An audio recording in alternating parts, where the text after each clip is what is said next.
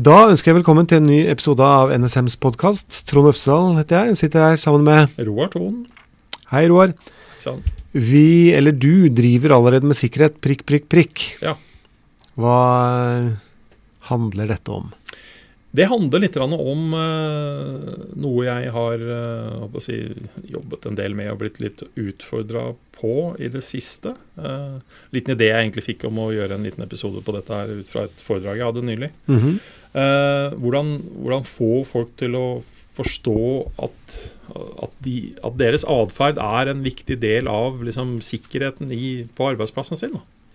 Hvordan får man alle til å bidra til sikkerheten på arbeidsplassen, rett og slett? Dette er jo ikke, dette er ikke bare jeg, og det er mange andre som jobber med dette her. Ja.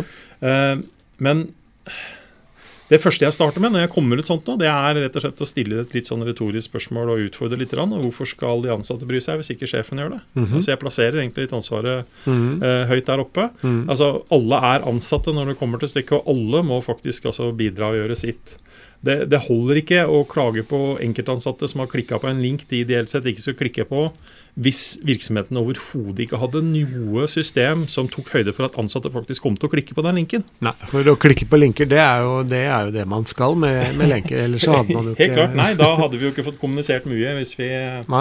Men, eh, men, men, det jeg da blir utfordra noen gang på da, av folk som inviterer meg osv., hvordan, hvordan forklarer vi og forteller vi om, om dette her? Mm -hmm. eh, og jeg gjør et poeng av, og det var derfor tittelen var som den var, at å få folk til å forstå at de allerede driver med sikkerhet. Mm. Men de kaller det ikke noe sikkerhetsarbeid.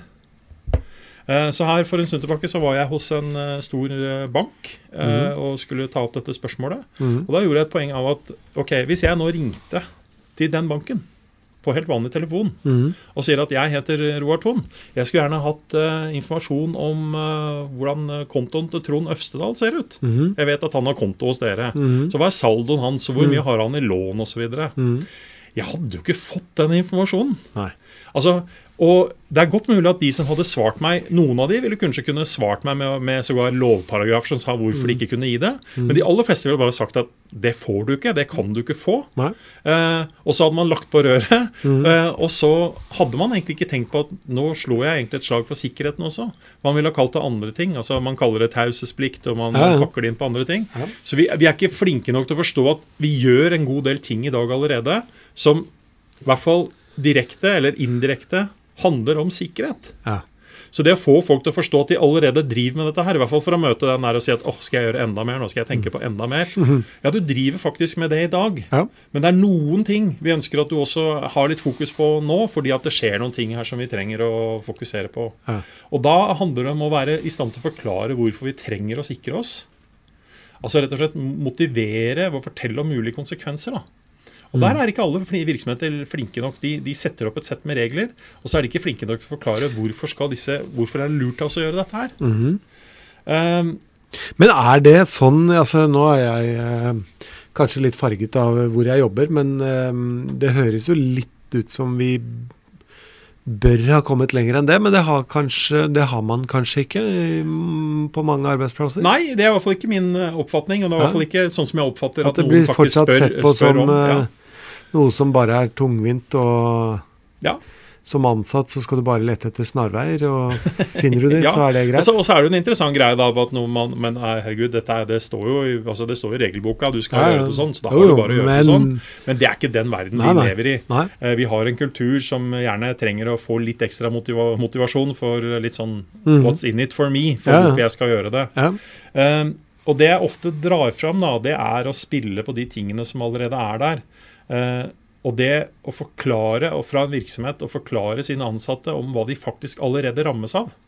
Hva de faktisk allerede i dag slåss litt med. Mm. At vi har hatt en hendelse sånn, vi fikk et forsøk sånn og sånn. Det lykkes ikke helt takket være Ole eller Karin, som var utrolig oppmerksom og gjorde ting. Ja. Altså løfte opp disse tingene. Eller at vi hadde et system som Ja, gjorde at ja. man unngikk fadesen fullstendig. Ja. Eh, og sånn sett kunne gjennom det forklare hva, hva som egentlig står på spill. Mm. Eh, fordi jeg tror litt sånn på, fortsatt på det gode i oss eh, som mennesker. At vi ønsker å være på en arbeidsplass som oppleves sikker. mm. I mange perspektiver. Altså økonomisk eh, Ja, ja. sikkerhet. Altså at vi har jobb eh, så lenge vi gjerne ja, skulle ha jobb. også at systemene som er der, de fungerer til det man skal bruke det til. Eh, at man har en stolthet over å jobbe der man gjør. Ja. Eh, man er stolt over merkevaren, det, det man eventuelt leverer, altså avhengig av hva man holder på med. Mm. Uh, man ønsker å være troverdig, både som ansatt selv, og, og at bedriften man jobber i, eller virksomheten man jobber i, er troverdig. Uh, at man forstår at kanskje noe av dette kan ha konsekvenser for andre også. Hvis Og da tenker du andre Nei, rett og slett at uh, hvis, hvis vi svikter hvis, altså, nå, har vi, nå har vi nylig hatt Hydro-hendelsen hvor, hvor man har slitt veldig med å kunne være i stand til å levere det Hydro skal levere. Ja. Ikke sant? Ja. Uh, og det, det, jeg har ikke peiling på de langsiktige konsekvensene eller kortsiktige konsekvensene på eventuelt at man ikke fikk produsert nok av de ulike tingene. Mm. Eh, og Hydro er i sin bransje, men tenk deg andre bransjer som, da er, altså, som skal levere noe som andre igjen er avhengig av å levere. da. Ja, ja. På Ja. si, satt på spissen, tenk deg legemidler eller et eller annet ja. sånt noe som er, kan være livsviktig for, for folk i et uh, kort og langsiktig perspektiv. Mm. Uh, som igjen kan bli hindra av de sikkerhetstruslene som vi da liksom frykter litt. Eh, rett og slett at vi spiller litt på at vi er avhengig av tillit for å kunne overleve og som, altså som, som Ja. en kommersiell bedrift, eller rett og slett tillit til at det vi leverer, er, er, er skikkelige greier. Ja.